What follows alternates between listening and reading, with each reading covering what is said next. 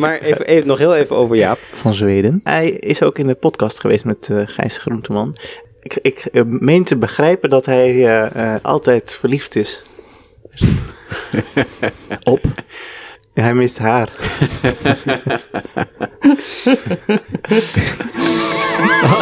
Ja, dit is weer...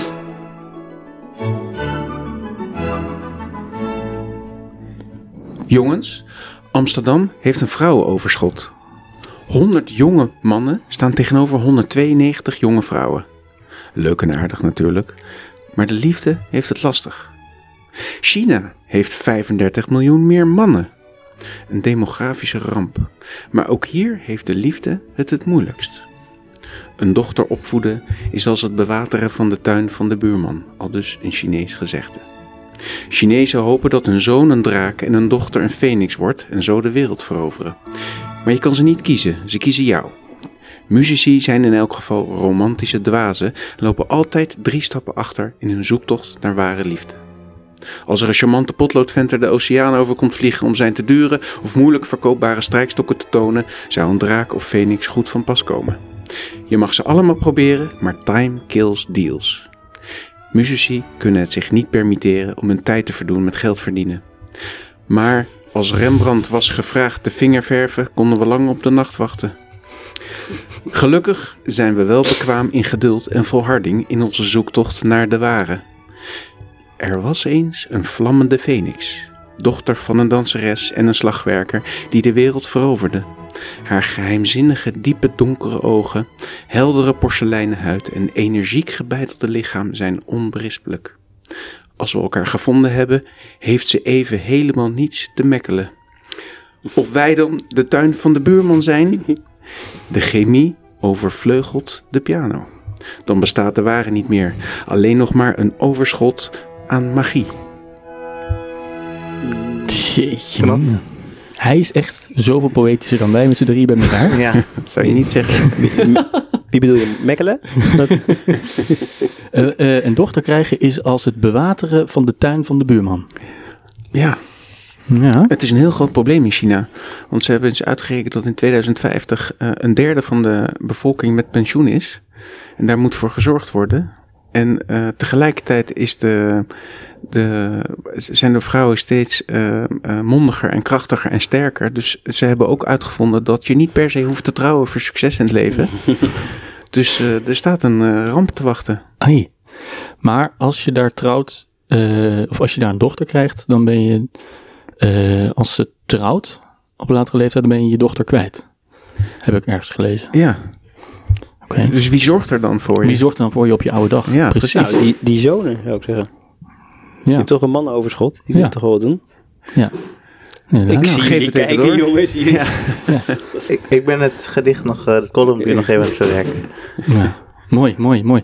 Welkom beste luisteraars bij een nieuwe aflevering van Een Toontje Lager. De podcast waarin vier orkestvrienden eh, de ins en outs van het orkestleven met elkaar doornemen.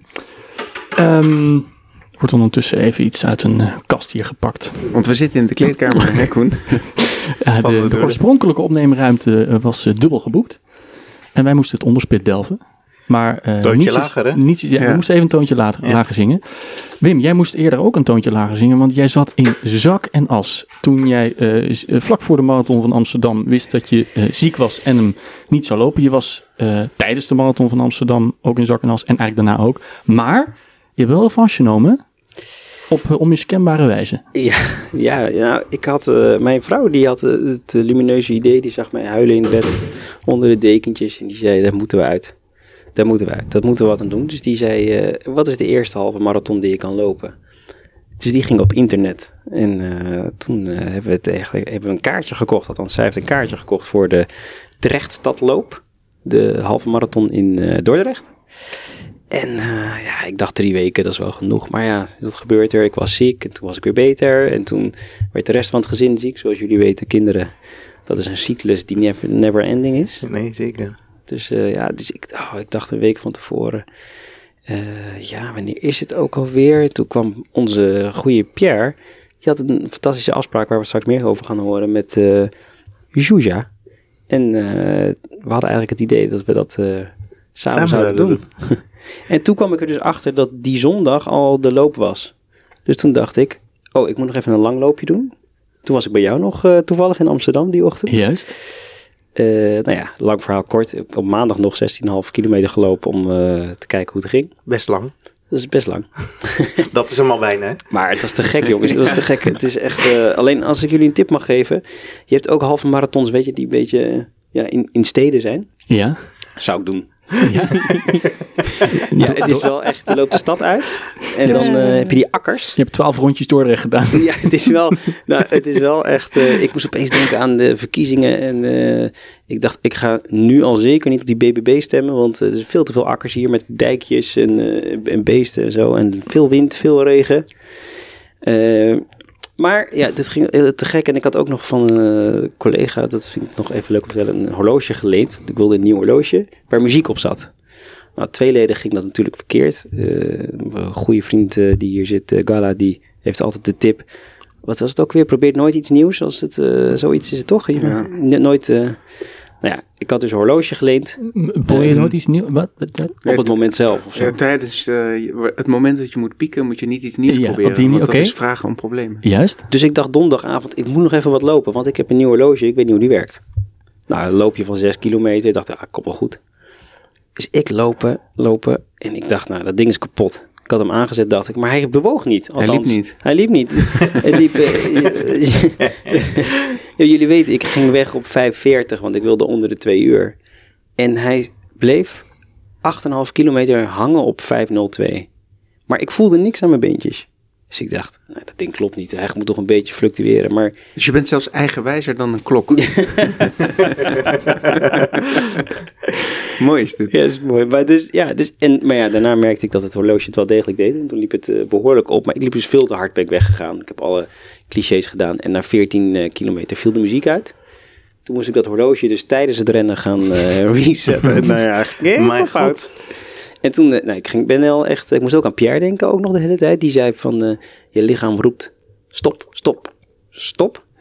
nou, die van mij heeft echt vanaf 14 kilometer zo vaak stop geroepen. Ja. Dat ik dacht, ik, ik, ik ga stoppen. Maar ik dacht ik ook, ja, ik ga niet stoppen. Ja, dan krijg je dat weer. Knap hoor. Maar Dus, je hebt er eh, niet aan toegegeven. Ik heb niet op toegelopen, maar het die toegegeven. Maar toen liep het veel, wijs liep mijn tijd ook op, want ik kon niet meer eigenlijk. En toen liep ik 5,21 en toen moest ik nog 2,5 kilometer. Toen dacht ik, ja, ik moet op zijn minst 5,20 halen dan, weet je wel. Dus toen ben ik 2,5 kilometer echt als een debiel gaan lopen. En eh, toen kwam ik op 5,19 uit. Toch die competitiedrang weer. Ja, dus eh, het zat er wel nog in. Ja. Het zat er nog, maar als je een filmpje, mijn vader die was er, was super fijn, want die heeft me heel geholpen met mijn spulletjes. En, eh, eh, dus die stond bij de finish en die, eh, die eh, heeft mij gefilmd bij het laatste stuk. Nou, je ziet mij letterlijk, ik was belangrijk blij dat, die, dat het een brede straat was. Ik ga van links naar rechts en van rechts naar, ik kon niet meer. Ja, Ik was geweldig. echt, het zag er niet uit. Oh. Maar wat een ervaring jongens, dat lopen, wat gek hè? Ja. Heerlijk, ja, je- je, fantastisch. kan wel echt trots zijn als, je de, als het is gelukt. Ja, ja, Ja. Je weet, jij weet hoe het is. Ja, dat, nee, zeker. echt, eh, dat, die, eh, dat het eind gewoon, eh, dat je denkt, ja nee, oh, ik ga het toch halen. Ik Ja, ga het toch halen. Dat kan eigenlijk niet meer, maar Nee. het moet. Ja, maar eh, ja, nee, ik heb jullie dus even ingesproken, want eh, ja, jullie wisten niet dat ik het ging doen. Ik had het geheim gehouden voor jullie. Je hebt het heel goed geheim gehouden, zeg. Kunnen Ja, we daar nog even naar luisteren? Is Ja. wel leuk. Vind ik wel Ja, mooi. wel. Die, die rauwe emotie. Boys, jullie wisten het niet, maar eh, ik moest even een revanche nemen drie weken later. Dus ik sta nu in het prachtige Dordrecht. Ah, ik ben trots jongens. Uitgelopen halve marathon op mijn 41ste. Kapot echt, maar ja, hoort erbij hè. Best wel veel regen en wind jongens. En eh 5,19 per kilometer. Ik ben eh, wel trots. Deze tijd met gezin en alle rondslomp lopen. Dank Galla met name voor de inspiratie, jongen. Later, jongens. Tot snel. Mis jullie hoor. Nou, dat was, eh, Wim, dat was jij vlak na, de, na, na, deze, na deze marathon in Mooi hoor. Dordrecht. Zo. Ehm, en dus op de dag dat, eh, dat jij met Pierre eigenlijk samen een interview met uh, Juja Wang zou doen. Want zij soleerde in Bartok's tweede pianoconcert bij het uh, Rotterdamse Philharmonisch Orkest afgelopen week. Ehm, maar Pierre, jij hebt haar dus, dus wel gesproken na afloop van het concert. En jij vroeg haar hoe zij zich voelde. Ja, ze, voordat ik haar daar echt over sprak eh, met de opname, vro- vroeg ik hoe ze zich voelde, maar ze miste jullie enorm, jongens. ze heeft jullie heel erg gemist. En eh, Wat een vrouw, hè? wat een vrouw, ja. Een vriendin van de show natuurlijk. eh Ja. zat, eh, Tarma had het er al eerder over dat zij echt een eh, ding zijn in Rotterdam. Dus eh, ik dacht... eh, Als ze samen, omdat ze vaak samen optreden. omdat eh, die chemie die zij samen hebben op het podium, zowel als hij dirigeert als dat ze samen een toegift doen, dat hebben ze ook gedaan en dat, dat is meesterlijk. Ja, dat, die chemie, dat is het speciale in Rotterdam. De binding die ze dan met het publiek hebben. Dus zij zit gewoon met een andere Finse, of met Parmo, ook een Finse dirigent zit vaak op te treden. Ik denk dat Mechelen dan wel, zou die jaloers zijn? Wat, wat vindt hij daarvan? Ja. Finn, ik, ik denk dat hij eh, Niet zo niet zoveel erover gaat zeggen. ze deed echt een waanzinnig moeilijk stuk. En, eh, Een eh, van de allermoeilijkste stukken die er zijn, hè, Die voor de- piano. Ja. Want jij had het over, eh, we doen allemaal moeilijke dingen, hè, met, de- met de halve marathon en eh, met 16 kilometer ervoor lopen en zo. Ja, dat is allemaal, eh, we zoeken graag uitdaging. En, maar, en zij dus ook. En eh, eh, ja, ik vond het wel heel speciaal om haar daar even over te spreken. Ik vroeg of ze tijd had, maar ze had eigenlijk geen tijd. Nee. Dus ze zei nou, eh, dan even nadat ik heb gespeeld, er staan natuurlijk hordes mensen en publiciteit en te wachten. En jij moest daarna ook nog En spelen. ik moest zelf daarna ook nog spelen. Maar ja, ze, ze was super lief om heel even ons te woord te staan. Ik Voor heb, een, jou? ik, ik heb een prachtige foto van jou met haar gezien. Ja, dat, dat- ja. Ik, heb het gevoel dat we, ik heb het gevoel dat we, dat we nog een keer met haar moeten praten. En dan met z'n vieren. Ben, ben jij ook Fins? Eh, ik voelde me ineens heel Fins, heel kort van stof. Maar lang van de... Ja. Zij was ook heel kort van stof. Zeker. Maar laten we er even naar luisteren, Ja, zou laten ik we even zeggen. naar luisteren. Dear Yuja, Hi. hello, nice to meet you. nice to meet you. Bravo to you. No, bravo to you. What a ride. Yeah. There's been a fantastic uh, week. Yes. Uh, yeah. What were your first thoughts after the concert? After the concert. What do well, you- I'm glad it's done. Yeah. no, this piece is extremely um, sadistic for everybody, but it is it is a ride. It's fun, and um, I mean, you guys are perfect for it. And um, uh, I think la- last time they told me the orchestra played was 1997. I keep going. It was 1997 with Kochish, which Yeah. is my model of how this piece should sound. Um, but yeah, That's a long time ago. exactly. You have actually a little time to, to come to us and to prepare. Uh, we have a little time to bond, uh, uh, right? yeah. How do you uh, cope with it? Um, uh, which part? oh, I mean, you come uh, just one day before the concert, you come in and join us, and then it has to be perfect in one. yeah, that's always really hard, and I was uh, definitely had a few sleepless nights about it. yeah, but once it's like once the music starts, it's it's all there. It's I love it because it's so, um, obviously so like Bach, very Yeah. baroque. Yeah. And it actually has um incorporate the the folksiness and very witty and classicness in the first movement and then the third movement is basically just a copy of the first but in triplets Yeah. and have more uh dance rhythm and the second movement is really mis- mystic kind of night music Yeah. with uh with all the weird sound I've been listening when I'm jet lag. Uh, so yeah, it's it's pretty it's pretty like uh, otherworldly music, and it's not easy to pull off. Not easy for us. Not No, easy exactly. to for the audience to listen. Yeah. Um, but I mean, like we played it three times, Yeah, and I think exactly. tonight was the was already s- Perfect. Yeah, It fell together. like once it's everything together, Yeah, it's it's really tight. It is a great piece. So, As a yeah. musician, I feel always uh, on stage if we are perfect for you to shine. Yeah. Uh, uh, Yeah, we and feel we that. hope we did yeah, that way. you did for sure. One question, uh, the last question. We are talking about instruments in this um, series. Uh, Ah, in this, okay. uh, you play on every. Uh, yeah, but Yeah. everywhere you play, it's different, right? Yeah. Do you have uh, a special bond? You have a little time to bond with the instrument. Uh, yeah. Um, I wish I have my own Steinway, but that's a little heavy. Yeah. so I have to. I always have a stage time because it's not just the Oh, yeah. instrument; it's also getting used to the acoustic. Yeah. And of course, it changes when the audience comes in always, Yeah, and exactly. when there's orchestra. So it's uh, constant adjustments and. um yeah, I mean, this piece, it goes by so fast, I don't even have time for that. No, exactly. Fantastic. Thank you so much to have you here. Thank we hope to see you My soon again. pleasure. Yes, thank you. Oké. Ja, dus eh, geweldig. Ik vind het heel leuk om de adrenaline te horen die ze nog, jullie beiden in je hebben na, zo direct na het concert. Dat is mooi om te horen. Ja, leuk hè. Ga voor. Knap, Peer. knap. Tarma zegt zelf overigens dat, dat een pianist eh, van dit kaliber, die hoor je nergens m- meer zo eh, eh, zoals zij. Zij is echt een van de beste die je kan horen. We zullen in de show notes een klein YouTube filmpje zetten. Ik heb een filmpje gevonden waarin ze eh, te zien is op, in allerlei eh, situaties vanaf dat ze kind. Dus acht jaar, negen jaar en dan 19 en haar eindexamen staat erop. En hoe ze is uitgegroeid tot deze gigaster. Dat is wel leuk om even te checken voor mensen die geïnteresseerd zijn. Heel goed. Nou, Yes. Maar dus, dus vorige week eh, twee vrienden van de show. We hebben nu een nieuwe vriendin van de show. De vriend van de show, Tarmo. gaat goed. Het gaat, Ja, eh, gaat lekker. gaat goed. Oké. Ehm, Galla, jij kondigt al even aan in, eh, in jouw intro. Ehm, waar we het over gaan hebben deze week. Instrumenten. En ja, jullie kennen het wel. Nog misschien van vroeger dat je dan met je ouders naar een, eh, naar een camping ging. En dat je dan... Nee, eh, dat kan ik niet. Camping. Nee, nooit geweest? Jawel, is. Nee, en dan, en dan als je geluk had, dan was er of buiten of binnen in een speelhal stond daar een tafeltennistafel. En dan meestal daarnaast op een andere tafel stond een soort van kartonnen doos met daarin eh, door elkaar gegooide tafeltennisbedjes. En volgens mij waren er altijd drie categorieën. Eén bedje waarbij eh, met gewoon zwart en rood leer, wat nog volledig intact was. Wat je dan zo geen indruk, maar je moest niet met je nagel doen, want dat was zonde. Eh, nog een categorie waarbij eh, de helft van zo'n flap, de lijm was losgelaten. en dan kon je zo heen en weer zwaaien met die flap.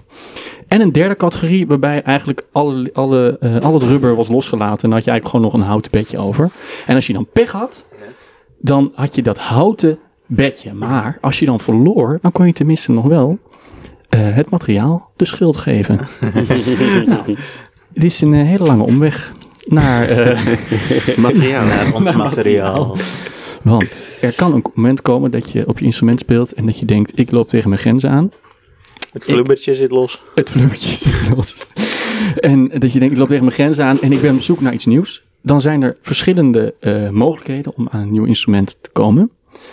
En eh een daarvan is zelf iets nieuws kopen, maar met name strijkinstrumenten zijn gewoon takken duur. Eh, een andere, andere mogelijkheid is via het Nationaal Muziekinstrumentenfonds. En een, nog een mogelijkheid is als je in een orkest zit om het via het orkest te doen. En Galla, jij bent laatst, eh, heb je de mogelijkheid gekregen om op zoek te gaan naar een nieuwe strijkstok. Klopt. Hoe is dat gegaan? Ja, dat is natuurlijk meteen een groot avontuur. Ehm, een aantal jaren terug was ik al eh, in de gelegenheid om op een hele mooie altviool te spelen die ik zelf ook niet eh, voor mezelf had kunnen regelen. Maar het is misschien wel grappig om te vertellen hoe ik dat eh, als een soort eh, truc voor elkaar heb weten te krijgen. Want ik was toen nog een toetie altviolist in het orkest en er kwam een proefspel aan voor plaatsvervangend aanvoerder. Maar ik dacht, ja, ik maak natuurlijk meer kans als ik op een mooi instrument speel. Dus toen ben ik naar eh, een mooi instrument op zoek gegaan. Eh, want er was heel veel tijd. Ik was eh, goed op tijd, zeg maar. En toen vond ik een hele mooie altviool. En daar heb ik toen de auditie op gedaan. En toen won ik de baan. Maar toen zei ik, ja, het is allemaal leuk en aardig. Maar ik heb geen instrument. Behalve dan deze waar ik nu op gespeeld heb. En toen hebben ze heel erg hun best gedaan om het inderdaad mogelijk te maken dat ik inderdaad op deze altviool kon blijven spelen. Dus missie geslaagd, zeg maar. Ja.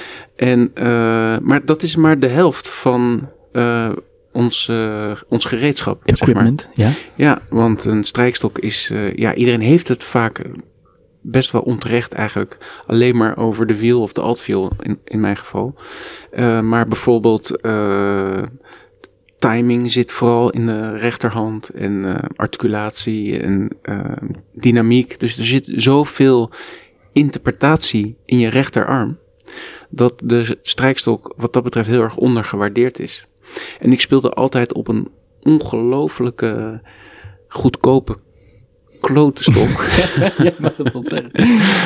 En uh, Ik, ik ben dus eh, door een hele speciale situatie nu in de gelegenheid gesteld om op zoek te gaan naar een mooie strijkstok. En ik heb dus heel veel strijkstokken weer eh, uitgeprobeerd. En we- weer gemerkt wat ik eigenlijk gemist heb steeds. Want als je op een bepaalde strijkstok speelt voor een langere periode, dan ga je ook wennen daaraan. En je gaat je hele techniek daarop aanpassen. En je, gaat, je maakt het werkbaar als het ware. En nu speel ik weer op een. Ik heb inmiddels een hele mooie Franse stok gevonden. En dan zijn de mogelijkheden weer grenzeloos. Dus ik, ik kan weer helemaal opnieuw zoeken naar wat ik eigenlijk mooi vind en wat ik prettig vind. Dus je bent stad en land af gaan zoeken naar een nieuwe stok. Was het liefde op het eerste gezicht? Dat zou je wel kunnen zeggen. Want ik, ik had op een gegeven moment een eh, koffer met eh 15 strijkstokken voor mijn neus.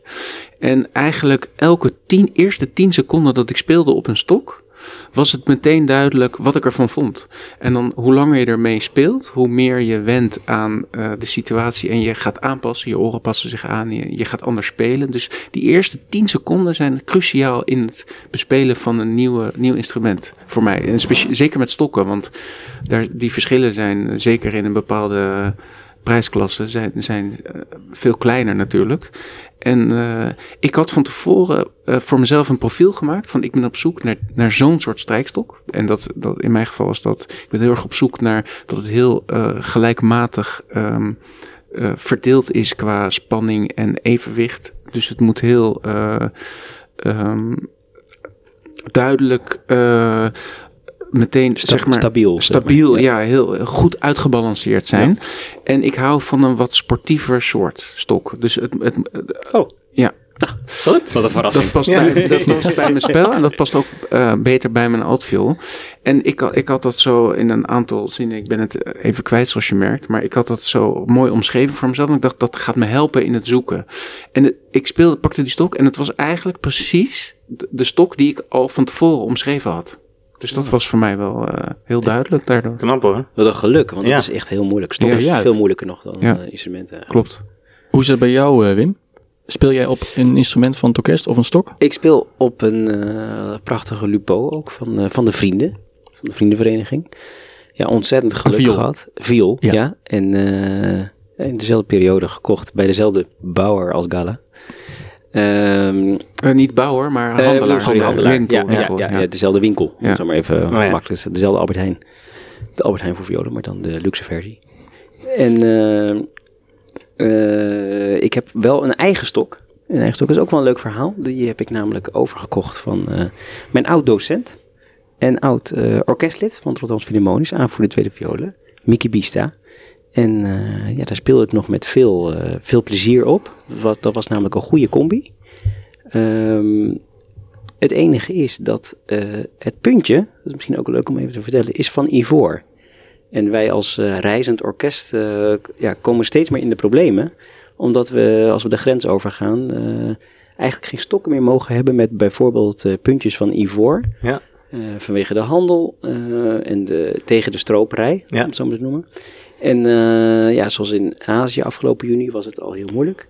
Eh, we gaan eh, in februari naar Amerika. Nou, dat is, Hetzelfde dat- dat ja, dus dat is nog wel een dingetje waar we ook voor de toekomst, ook met de aanschaf van instrumenten, wel wel, ja, naar zullen moeten kijken. Ja. Spreek het over Ivoor trouwens. Er was een vorig jaar, 2022, was er op een gegeven moment een schoot heel stokkenmakend eh, eh, Europa, of eigenlijk de wereld, eh, in de stress. Want er was een bericht dat ehm eh, Pernambuco, het hout waar de meeste strijkstokken van worden gemaakt, dat een, dus een Braziliaanse tropische houtsoort, dat, daar een, dat die beschermd zou worden. Ehm, en dat zou dus ook de handel en de maak van strijkstokken beletten. Maar er is vervolgens een petitie gestart en die is eh goedgekeurd uiteindelijk. ehm Dus waardoor... dat hij wil nog wel eens helpen, zo'n petitie. ja? Ik heb altijd het gevoel dat Ja, het dat geen zin ik ook. heeft. Nu ook met die spiegelzaal. Ja. eh, ik heb hem wel ondertekend, maar ik dacht ja. Nou, ik ga het toch nog doen. Nu Ja, dit ik heb hem ook. Dus, ja. Ja, doe maar even, ja. Ja. Ja, want eh, de even terzijde, Ja, ja, de spiegelzaal. sorry, Ja, want, Goed maar dat je dat even zegt. ja, want de spiegelzaal, het programma op de zondagochtend met Hans van den Boom, Gaat eruit. Gaat er, zou er per januari eh, Ja, ja. 2000, Wegbezuinigd. eh, 2024 wegbezuinigd worden. Ongelooflijk, echt ongelooflijk. Ik- Er zijn zoveel eh, programma's op radio, tv, en, eh, maar in onze sector is er gewoon niet zoveel wat specifiek, eh, waar specifiek ook nog live muziek wordt gemaakt. En, en eh, de Spiegelzaal is zo'n plek waar, nou, we zullen er allemaal wel eens een keer gespeeld hebben. eh, ja, wat heel, heel muziekminnend Nederland kent. Ja. eh, op zo'n prachtige locatie met een fantastische presentator, vind ik zelf. eh Hans van der Boom moet ik altijd erg om lachen. En, eh, ja, Hij kan wel onaardig zijn, vind ik. Ja, maar dat is maar... Ja. Dat, ja? Ja, vind ik wel. Soms, on, soms een beetje. Is- speelt hoog, hij- hoog in speelt de hij- boom. Speelt hij iets persoonlijks? speelt hij Nee, iets persoonlijks? nee, niks. Helemaal Misschien moet hij eens bij ons komen, want eh, dan kan hij een beetje een toontje lager. Nee, ik, voor, ik vind hem altijd eh, te gek, eh, eerlijk gezegd. Maar ook- ja. maar de, de show aan zich is gewoon, is gewoon eh, ja, ik denk ook, Ja. aanstaande zondag zou ik met z'n allen weer gaan luisteren, jongens. Maar je, eh, Pernambuco, dat, ja, ter- even- even, terug naar Pernambuco. Want, want dat is natuurlijk heel erg actueel voor ons, ons eh, gereedschap. Ja, want ook muzici zouden er vervolgens eh, allemaal certificaten moeten aanschaffen om, er- om met een strijkstok te kunnen gaan reizen. Maar uiteindelijk heeft die petitie dus, eh, eh, heeft, het heeft zin gehad en eh, de, strijkstokken worden ontzien van deze, van deze beschermde status. Ja. Even aanhakend op Is Ivoor. het, is het uitstel of afstel? Is het zeg maar definitief van de baan of is Eh, het definitief van de baan. Oh, te gek. Ja.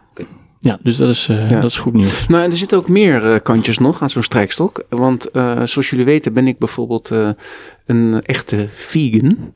En strijkstokken zijn niet veganistisch. En dat wil zeggen dat er heel veel... eh, Haar, zo. Het haar. Sowieso het paardenhaar. Ik weet niet of, hoe, hoeveel jullie daarover weten. Maar eh, ik heb dus... dus nieuwe haar, Dat, dat, dat weet ik.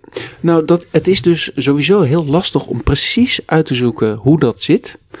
Eh, wat we wel over het algemeen... zit, wat voor haar dus. Nou, waar het vandaan komt bijvoorbeeld. Ja. Eh, over het algemeen komt het uit eh, koude gebieden, Siberië, Mongolië of Canada. Want daar zijn de haren dikker. En het meeste, meestal komt het van de hengst. Dat schijnt goed haar te zijn. Oké. En eh, dan zijn er verschillende verhalen over hoe, hoe ze daar aankomen. Of dat echt een, eh, hoe groot die industrie is en hoe dat werkt. En vioolbouwers en stokkenbehaarders, die weten dat vaak ook niet. Want ik heb het vaak gevraagd. Maar voor zover ik het weet, is het, eh, wordt het daaruit getrokken. Los, de- zoals je eh, bijvoorbeeld ook eh, bij dressuurpaarden trekken ze ook wel eens manen eruit voor een mooi kapsel. En Oh ja. daar schijnen ze niet eh, zo heel gek van op te kijken. Maar dat is natuurlijk sowieso heel dubieus, want we weten niet hoe groot de industrie is. Er schijnen nog wel meer zaken te profiteren van de paardenharen. Dus als het gaat zoals bij die, er zijn bepaalde konijnen waar ze die echt met grote plukken tegelijk... nou ja, ik weet niet of jij je vaak scheert met haast. Dat is niet goed. Nee. En dus dat is best wel heftig en gewelddadig. Maar nou heb ik dus eh, gekeken naar alternatieven. En er zijn tegenwoordig... Maar heel even, sorry, voordat je doorgaat. Want er zal toch een, een legale en een illegale eh, eh, ehm, heet dat, haar, Ja. eh, paardenhaarindustrie bestaan. Dat denk ik wel, ja. Ja, Dat je- denk ik wel. En we gaan er even vanuit dat de meeste vioolbouwers Nou, het, het is dus niet... eh, zich bij de, bij de legale... ja, er zijn handelaren die, die het haar eh, bestellen.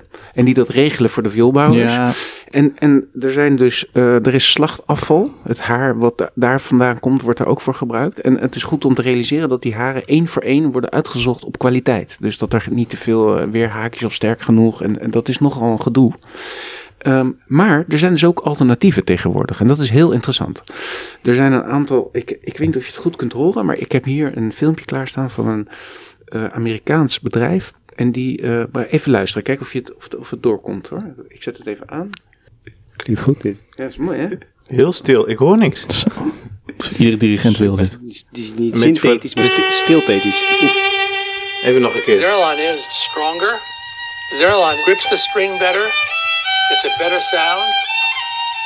And at the same time is less scratchy. And it's virtually unbreakable. And for the first time in the centuries old history of stringed instruments, horsehair has been conclusively improved upon by Zeralon acoustic bow hair.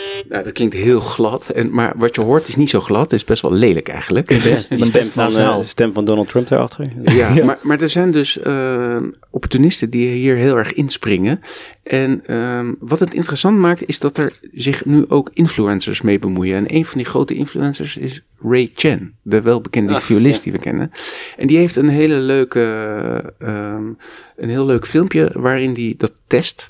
Maar het is niet een hele eerlijke test, want hij speelt, hij vergelijkt, eh, hij heeft een stok besteld bij, ehm, even kijken hoe het, hoe het heet. Ik, kan even niet vinden hoe het gaat.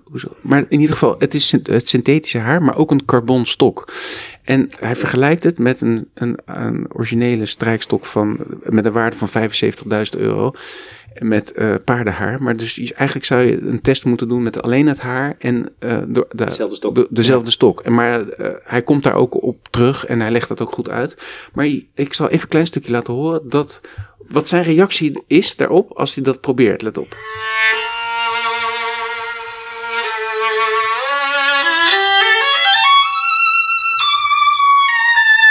scherp, hè? Maar dit is de traditionele stok. Even als vergelijking Met paardenhaar. met paardenhaar. En dan nu gaat hij wisselen. Alright. Now let's try this one. Het blauw haar, het haar is blauw. Blue Ray. Wow, wow. Hij is dus Actually, enthousiast. Was expecting. I don't know why, because maybe because it was so shiny. I was expecting that the uh, the hair wouldn't grip, but actually, from the get go, it's it's gripping really well. It's actually gripping a lot.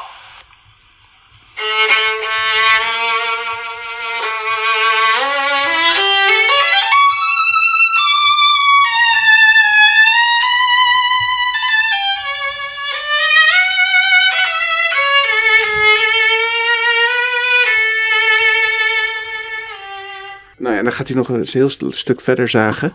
Eh, maar het interessante is, vind ik, dat ehm, hij had een aantal vooroordelen wat dit betreft. En het is dus heel anders dan hij verwacht had. Dus hij heeft heel veel grip en hij experimenteert ook met hars. Hè, want de haren alleen kunnen niks zonder de hars. Dus hij had er te veel hars op gedaan, waardoor hij eigenlijk te veel grip had. Oh, Alleen eh, de conclusie is dus dat hij het nog een keer moet proberen, maar dan eh, het synthetische haar op een oude stok. En dan eh, de juiste hoeveelheid hars.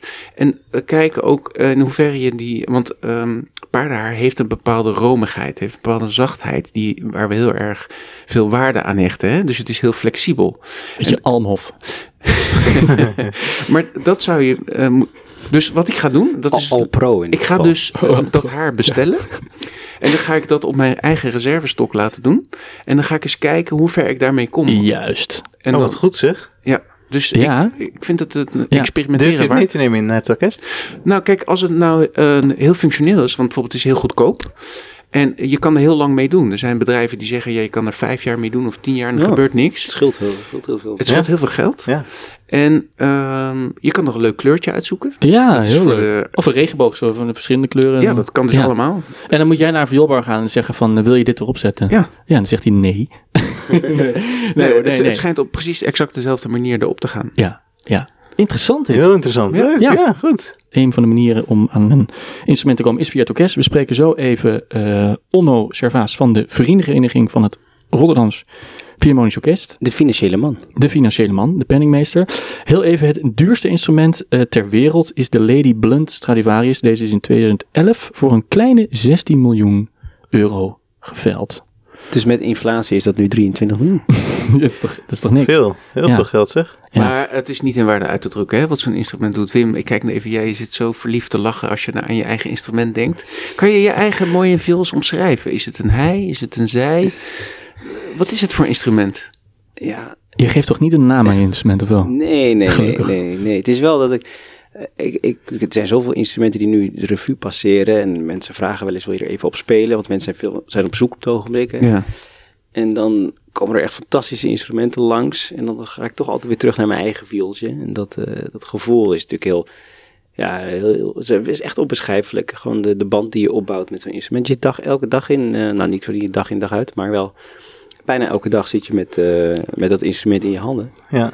Dus daar bouw je heel erg. En ik weet nog wel, wat ik, volgens mij heb ik dat verteld. Ja, de dag, de dag voordat we naar Azië gingen, dat, eh dat Ja, dat in mijn ja, ja, ja, nou, dan ben je ook dus echt, ik ben echt van slag dan. Ja. Ik, ach, En is er bijvoorbeeld, er was een, eh, onlangs een eh viool uit Amsterdam uit de trein gestolen. ja, En dan komt dan- dat. En dan komt dan een waarde bij. En denken jullie dan ook, nou, dat is niet erg. Of dat, maak je nou niet druk. Nou, ik had dit, dit, eh, bekende gras voor de voeten. Want dit had ik eh, lekker in mijn nieuwsoverzichtje Nou, bewaar gestopt. nog even dan. Eh, nee, we komen er even Oh, we nog wel even. Nee, laten we meteen erop ingaan. Er is een viool gestolen inderdaad uit de trein. En dat is met heel veel waarde. Bij mij ooit ook overkomen, dezelfde lijn. Maar eh, de waarde was eh 30.000 euro. En ik dacht wel meteen, inderdaad wat je zegt. Ja, dat is heel veel geld. Maar eh, ja, wat voor viool zou dat Het geweest is zijn? niet jouw Ja. lupo. Dat is niet Nee. eh, een van onze instrumenten. Ja, het, het, het- meestal denken mensen dat de, eh, ehm, de, de prijs van een instrument eh, wordt bepaald door de klank. Maar eh, het is, de criteria die de prijs bepalen, is, het is vast vaak genoeg niet de klank. Wat dan? Het is, het is eerder de naam van de bouwer. De bouwer, de staat. Hoe groter de reputatie, hoe groter de waarde. Eh, zelfs als het door een medewerker van het atelier is gemaakt. Ja. Het is het vakmanschap en de nauwkeurigheid waarmee het eh, instrument is eh, gemaakt. Ja. En de kwaliteit van het hout. Nou, je hebt bijvoorbeeld Vioom is een hele bekende bouwer. Daar zitten hele fantastische instrumenten bij. Maar die had een, Vioom had een heel groot atelier met heel veel leerlingen. En daar gaat ook het verhaal wel van. Omdat eigenlijk te veel Viooms zi- zijn. Uh, dat hij gewoon zijn stempel vaak erop plakte. Terwijl zijn leerlingen het gemaakt hadden. En dat is natuurlijk heel moeilijk uh, na te verhalen, ja.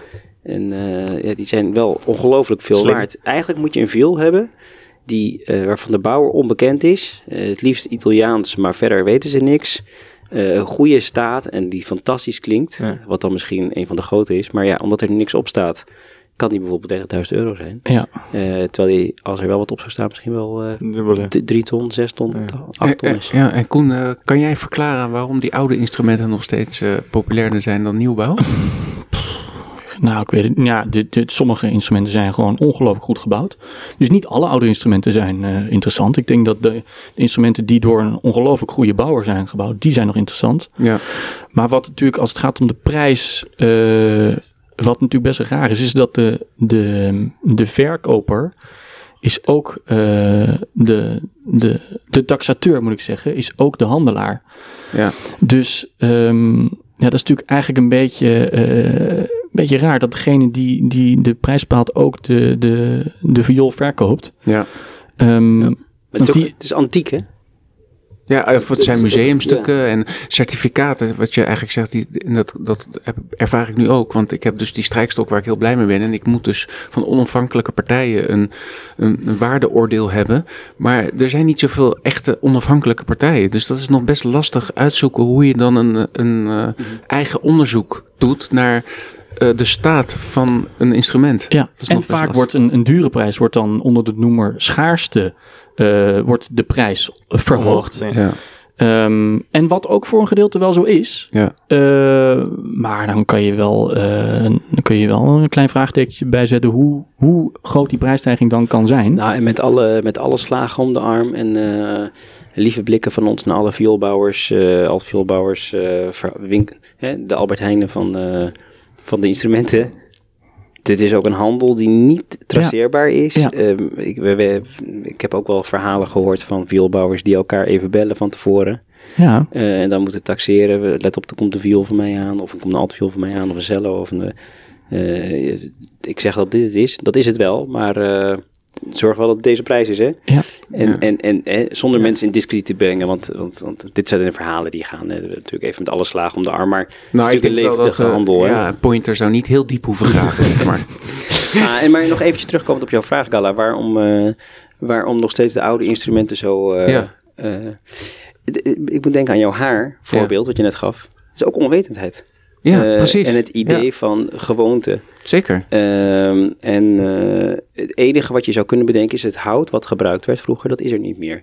Kijk, het hout uh, wat in die tijd gebruikt werd, want ze hebben heel vaak hebben ze analyses gemaakt van instrumenten, proberen Ja. helemaal na te bouwen. Dat hout is er niet meer. Simpelweg. Uh, Nou, het klim ja, bijvoorbeeld het klimaat is zo veranderd. Ja. Zure regen was er toen niet. je krijgt heel ander hout. Een heel ander soort hout. Ja. Dus dat, is, dat, is, dat speelt natuurlijk wel heel erg mee. Ja. Je hebt wel nu uh, tegenwoordig dat als je bijvoorbeeld een... Kijk, elk oud instrument heeft natuurlijk uh, bepaalde avonturen meegemaakt. Dus je, als je het hebt over de stapel, hè, die het bovenblad en onderblad bij elkaar houdt... en waar heel veel spanning en trillingen doorheen gaan... Als dat werd vervangen of gerepareerd, werd er dan uh, gewoon een nieuw stukje hout ingezet. Maar tegenwoordig zoeken ze ook naar dan het hout, uit dezelfde tijd. Dus dat je een stapel hebt van ook 300 jaar oud. Dat kan on ongelooflijk veel verschil maken. Dat is dan niet zo'n hele grote stapel. Pierre, jij wordt weer wakker, zie ik. Nou ja, ik, ik vind het reuze interessant om hierin uh, uh, jullie te volgen. Ik ben ook een klein beetje uh, geïnteresseerd in meubel maken en, en met houtbewerking bezig te zijn. Ja. En ik heb wel eens gekeken eh, naar een, hout, eh, nou ja, een cursus viool bouwen. Of nou, dan niet. Stel je voor dat je dat nou zou leren om dat te doen. Dat is echt een, een, mega lange eh, cursus die niet overal wordt gegeven. Dus voordat je echt eh, eh, pro bent, Ja. ja, dan, dan, eh, zit je zes jaar in eh, Japan. eh. dus ik zei direct tegen mijn vrouw Lievert, ik ga...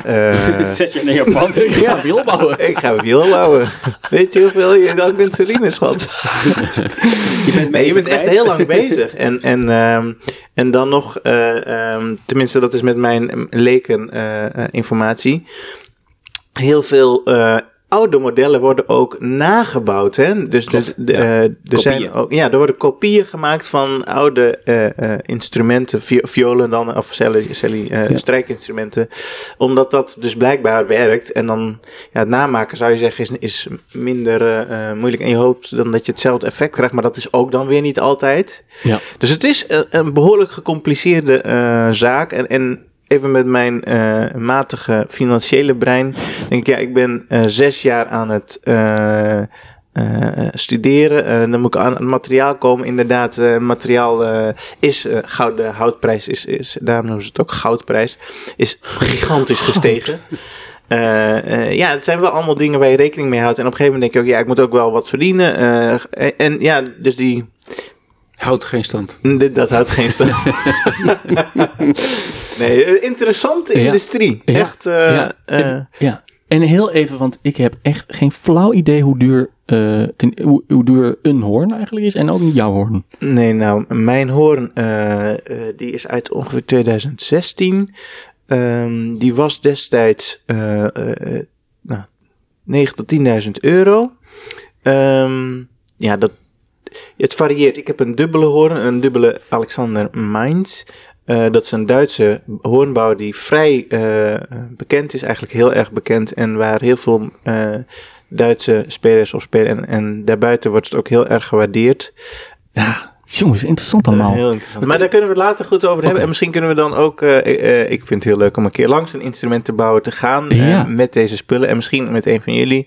Om even te kijken hoe dat, eh, eh, hoe dat gaat. Hoe, die, eh, hoe dat metaal wordt gewalst. En eh, hoe dat aan elkaar wordt gebrand en eh, gelast en eh, gepolijst. Het is echt een hele leuke in- in- industrie. En eh, ja, die, die lucht die door de instrumenten moet dus... eh, ja. Daar hebben we het later Hou, over. hou ik je aan. Ja. Hou ik je aan. Ehm, het orkest, eh, het Rotterdamse Philharmonisch Orkest, eh, heeft eh, instrumenten in eigen beheer. Ik heb even nagevraagd bij, nagevraagd bij het Nederlands Philharmonisch Orkest. Daar zijn geen strijkinstrumenten, voor zover ik weet, geen strijkinstrumenten beschikbaar voor muzici. Ehm, en dan toch zo spelen, hè? Toch zo mooi spelen. Dat is knap, dat is knap hoor. hè? Dat is knap, hè? Ja. Vast een goede Respect. dirigent dan. Eh, ja, ook dat. ook dat. ja, schuif maar weer op op de dirigent. Ehm, maar we hebben dus ook even, zoals ik al zei, net gesproken met de penningmeester van de vriendenvereniging van het Rotterdamse Philharmonisch Orkest. Die ons meenam naar het rijden en zeilen van de instrumentencollectie van het Rotterdamse Philharmonisch. Met Onno. Dag Onno, met Wim van eh, Een Toontje Lager. En de rest, we zijn En de allemaal. rest zit er ook om ons heen. Goedemiddag, hallo. Eh, hallo, wat fijn dat je even in, de, in onze uitzending wilde komen. Want eh, ja, we hebben het vandaag onder andere over instrumenten. En eh, ja, zoals wij al hebben verklaard hier voorafgaand aan dit telefoongesprek. Ja, hebben wij het geluk, het grote geluk als Rotterdams Philharmonisch Orkest... dat wij veel instrumenten eh, ter beschikking gesteld hebben... door eh, onder andere voor een groot deel de Vriendenvereniging. En eh, toen dachten we, nou dan moeten we eventjes de financiële man van de vriendenvereniging eens even bellen en even vragen hoe dat allemaal ja, tot stand komt eigenlijk. Precies. Ja, zeker. Nou, dat wil ik graag eh, vertellen. Ja, de vriendenvereniging eh, heeft natuurlijk al een eh, langjarige reputatie in eh, 1935 opgericht. Dus we hopen in 2025 ons 90-jarige bestaan te vieren. En de opbrengsten worden in principe natuurlijk ten gunste van het orkest gesteld. Maar een belangrijk deel van de opbrengsten gaat toch in de aanschaf van instrumenten voor de orkestleden. En dat zijn dan instrumenten die door de vereniging zelf worden aangeschaft en ter beschikking gesteld aan de leden van het uh, Rotterdams Philharmonisch uh, Orkest. We hebben een ja, uitgebreid eh, palet aan eh, instrumenten. Als je het zo bij elkaar optelt, zit dat wel rond eh, de 120 aan allerlei verschillende instrumenten. Ja. Blaas, eh, strijk en, en noem maar op. En eh, we doen ook nog eh, het beheer voor derden, want er zijn een aantal eh, privépersonen, maar ook stichtingen die nog instrumenten ter beschikking hebben gesteld. En daar doen wij ook het eh, beheer eh, voor. Ongelooflijk. Dus is een hele fijne en leuke taak van de vriendenvereniging. Verleden jaar hebben we een groot deel van de blaassectie qua instrumenten kunnen vervangen. Nieuwe trompetten en klarinetten. We zijn nu nog bezig met een hele potentiële aankoop, maar iets te prematuur kan ik niks over zeggen. Oh, maar wel bijna van een eh, strijk, strijkinstrument. Ja, dus, dus eh, zo zijn we steeds daar, eh, daar druk mee, mee bezig. Nou, geweldig. Ja, dat wordt ontzettend gewaardeerd door alle bespelers natuurlijk. Ja, in mijn hoofd komt wel meteen een, een brutale vraag. Want ik denk, ja, ik heb hier de financiële man aan de telefoon. En als we het dan hebben over zeg maar eh, 120 plus instrumenten. Wij weten ongeveer wat een instrument eh, in ieder geval op strijkersgebied eh, wel kost. Eh, Waar hebben we het over? Waar hebben we het over in totaal bijvoorbeeld, qua waarde?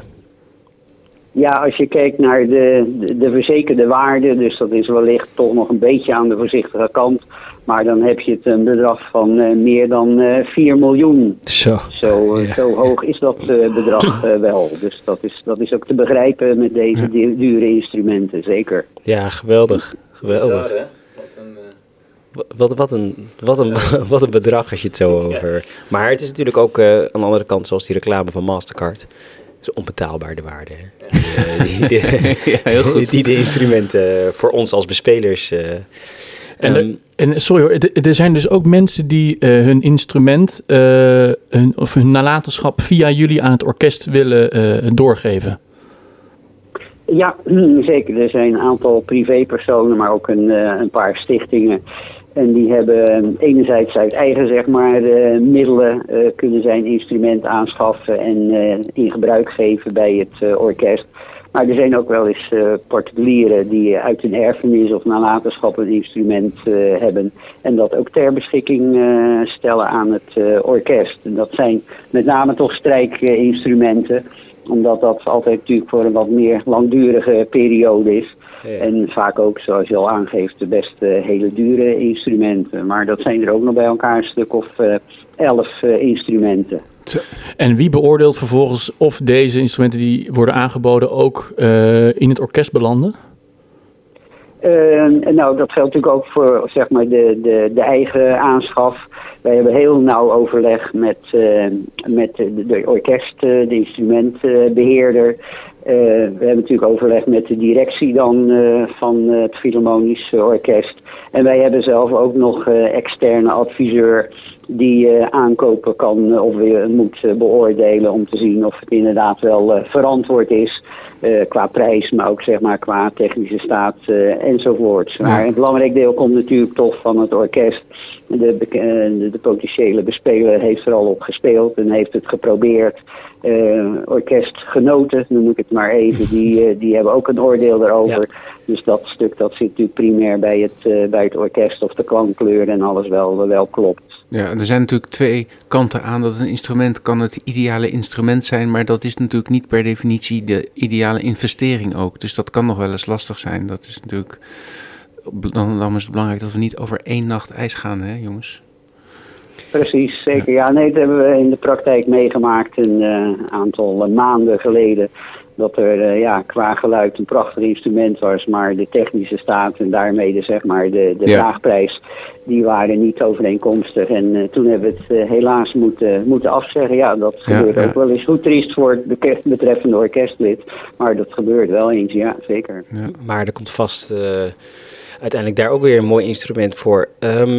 Om nou eigenlijk de laatste vraag. Wij, wij, wij kunnen wel heel goed schetsen ja, wat jullie voor als vrienden, voor ons eh, als orkestleden en als orkestorganisatie betekenen. Jullie hebben een, een, een, eh, grote bijdrage eh, financieel, maar dus ook ja, in, in, in instrumenten voor ons, waar we jullie ontzettend dankbaar voor zijn. En juist ook alle vrienden die dat mede mogelijk maken. Nou had ik nog één vraag. Zou je kunnen omschrijven wat wij voor jullie als vrienden betekenen? Ehm, ja, dat, dat is, eh, dat is eh, heel veel. ik moet zeggen, wij hebben een eh, zeg maar eh, trouwe vriendenkring met mensen die al jarenlang eh, lid zijn en erg eh, betrokken zijn bij het eh, reilen en zeilen van het eh, orkest. De meeste leden ook wel op de een of andere manier eh, zelf eh, kennen. En wij houden ook virtuele bijeenkomsten, dat noemen we dan Meet the Musicians. Waarbij zeg maar twee orkestleden worden geïnterviewd op de, op de leiding van een eh, professional. En nou, daar is altijd grote belangstelling. Daar komen veel vragen uit.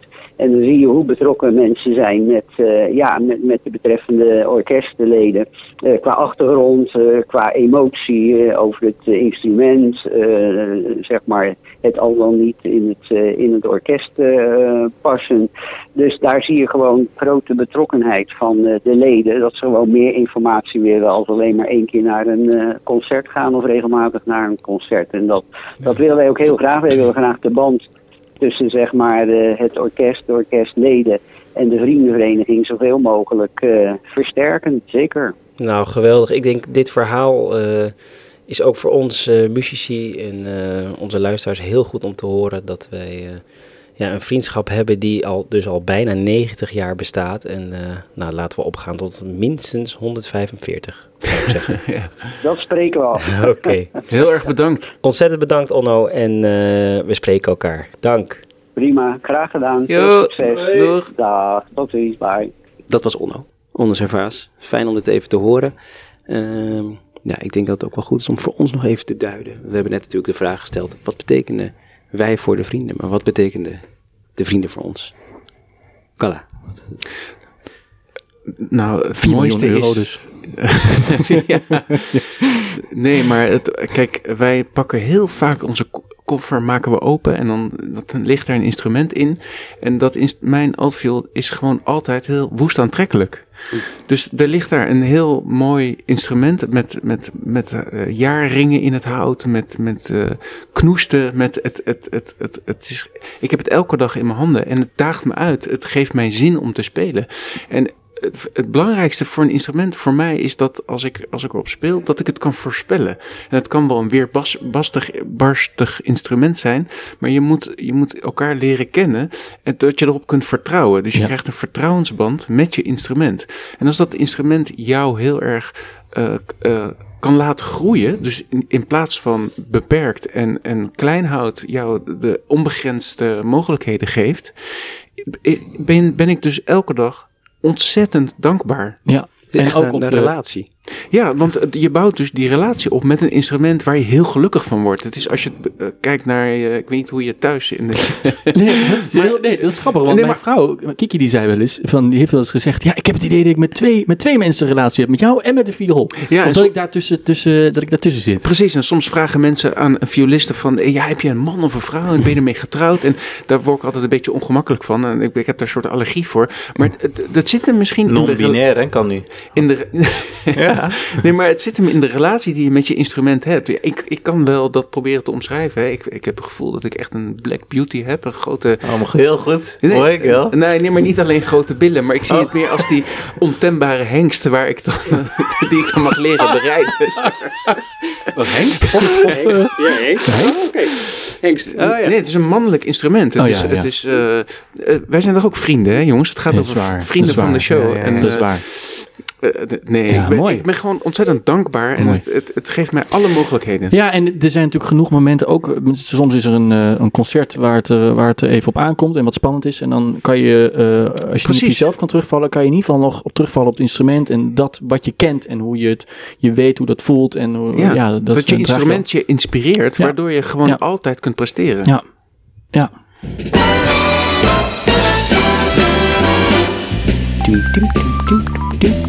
Is dit, is dit de nieuwe, de nieuwe, Ja, Albert staat achter de paal te wachten. dit is de nieuwe. En eh, Aankondiging. Albert, eh, Albert wil, graag, wil graag naar binnen komen.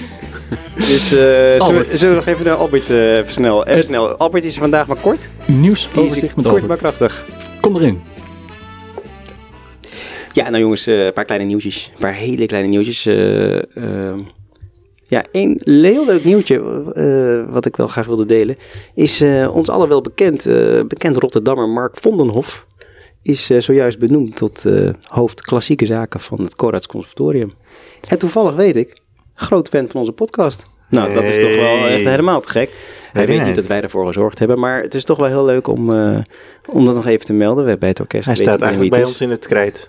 Ja, eigenlijk, eigenlijk wel. Dus Mark, als Schoolkrijt. volgende, volgende keer dat ik je tegenkom in de Albert Heijn, eh, Ja. Even Betaal jij de boodschappen? hè? Ja, precies.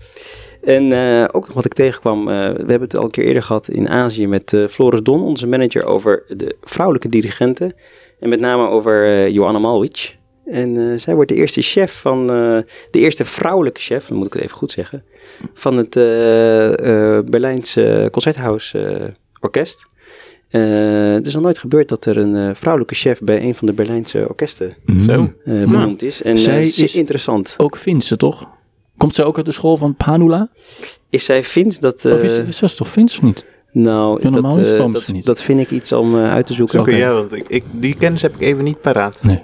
Maar vorig jaar was zij bij het Het KCO, bij het, bij het eh, eh, waar ze de opera di- dirigeerde, waar ze een goede indruk heeft achtergelaten. En uit eh, wel ingedichte bronnen staat ze ook bij ons ergens op de rol. Dus eh, dat is wel interessant. En eh, nou ja, laten we nog een heel klein laatste nieuwtje. Ook nog eventjes, Floris Don, ook eh, groot fan van onze podcast. Ook eh, al. tipte mij eh, over iets. eh, Floris Don, artistiek manager van het Rotterdamse Philharmonisch Orkest. Rotterdamse Philharmonisch Orkest. Nou, sterker nog, hij eh, had een verzoek tot re- rectificatie. Oh jee. Oh. Nou, dat doen we natuurlijk altijd expres, hè, om te kijken of hij oplet, of de mensen met luisteren. opzet. Met opzet. Ja. En, eh, en eh, hij tipte ons over de, de jonge dirigent die deze week bij ons voor het orkest staat, eh Maxime Emilianichev. Eh, ik had de vorige keer, althans ik niet, Albert, die had de vorige keer in de aflevering gezegd dat eh Emilianichev chef geworden is in, eh, in Scandinavië. Emiliani chef. Emilianichev. Eh, Emilianichevski. Maxime. Maar eh, het was pas eh, alleen als eh, gastdirigent. Dus niet eh, Ah. als vaste gast. Dus niet per se als chef. Dus dat, eh, bij deze Floris, dank voor je immer eh, oplettende oor. Dus hij is nog beschikbaar. Dus hij is nog beschikbaar. Ah. Zeker. Eh, wat, eh, wat ik heel even nog wil aanvullen in, eh, in het nieuwsoverzicht is dat Jaap natuurlijk een nieuw boek heeft geschreven. Jaap van Zweden. Want je had het over Scandinavië. En, maar hij is ook in de podcast geweest met Gijs Groenteman. Ik, ik meen te begrijpen dat hij altijd verliefd is. Op. Hij mist haar.